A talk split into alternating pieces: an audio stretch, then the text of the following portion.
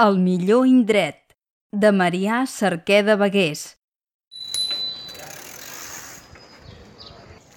En fer el revolt no va poder frenar la bicicleta. I va caure dins del femer amb tan mala sort que no podia sortir-ne pels seus propis mitjans. Mentre el treien, només feia que repetir «L'he vist, l'he vist! L'he vist! L'he vist, l'he vist!» Un cop recuperat de l'ensurt, li demanaren què era el que havia vist i l'havia emocionat tant. «La verge!» va contestar.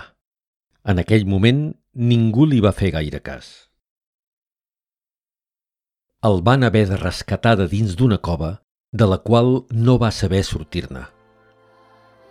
Ja fa temps que aquesta s'ha convertit en un centre de pelegrinatge molt concorregut.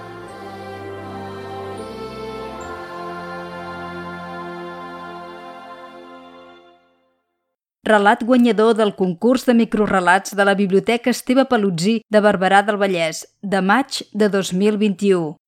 Enregistrament en veu alta.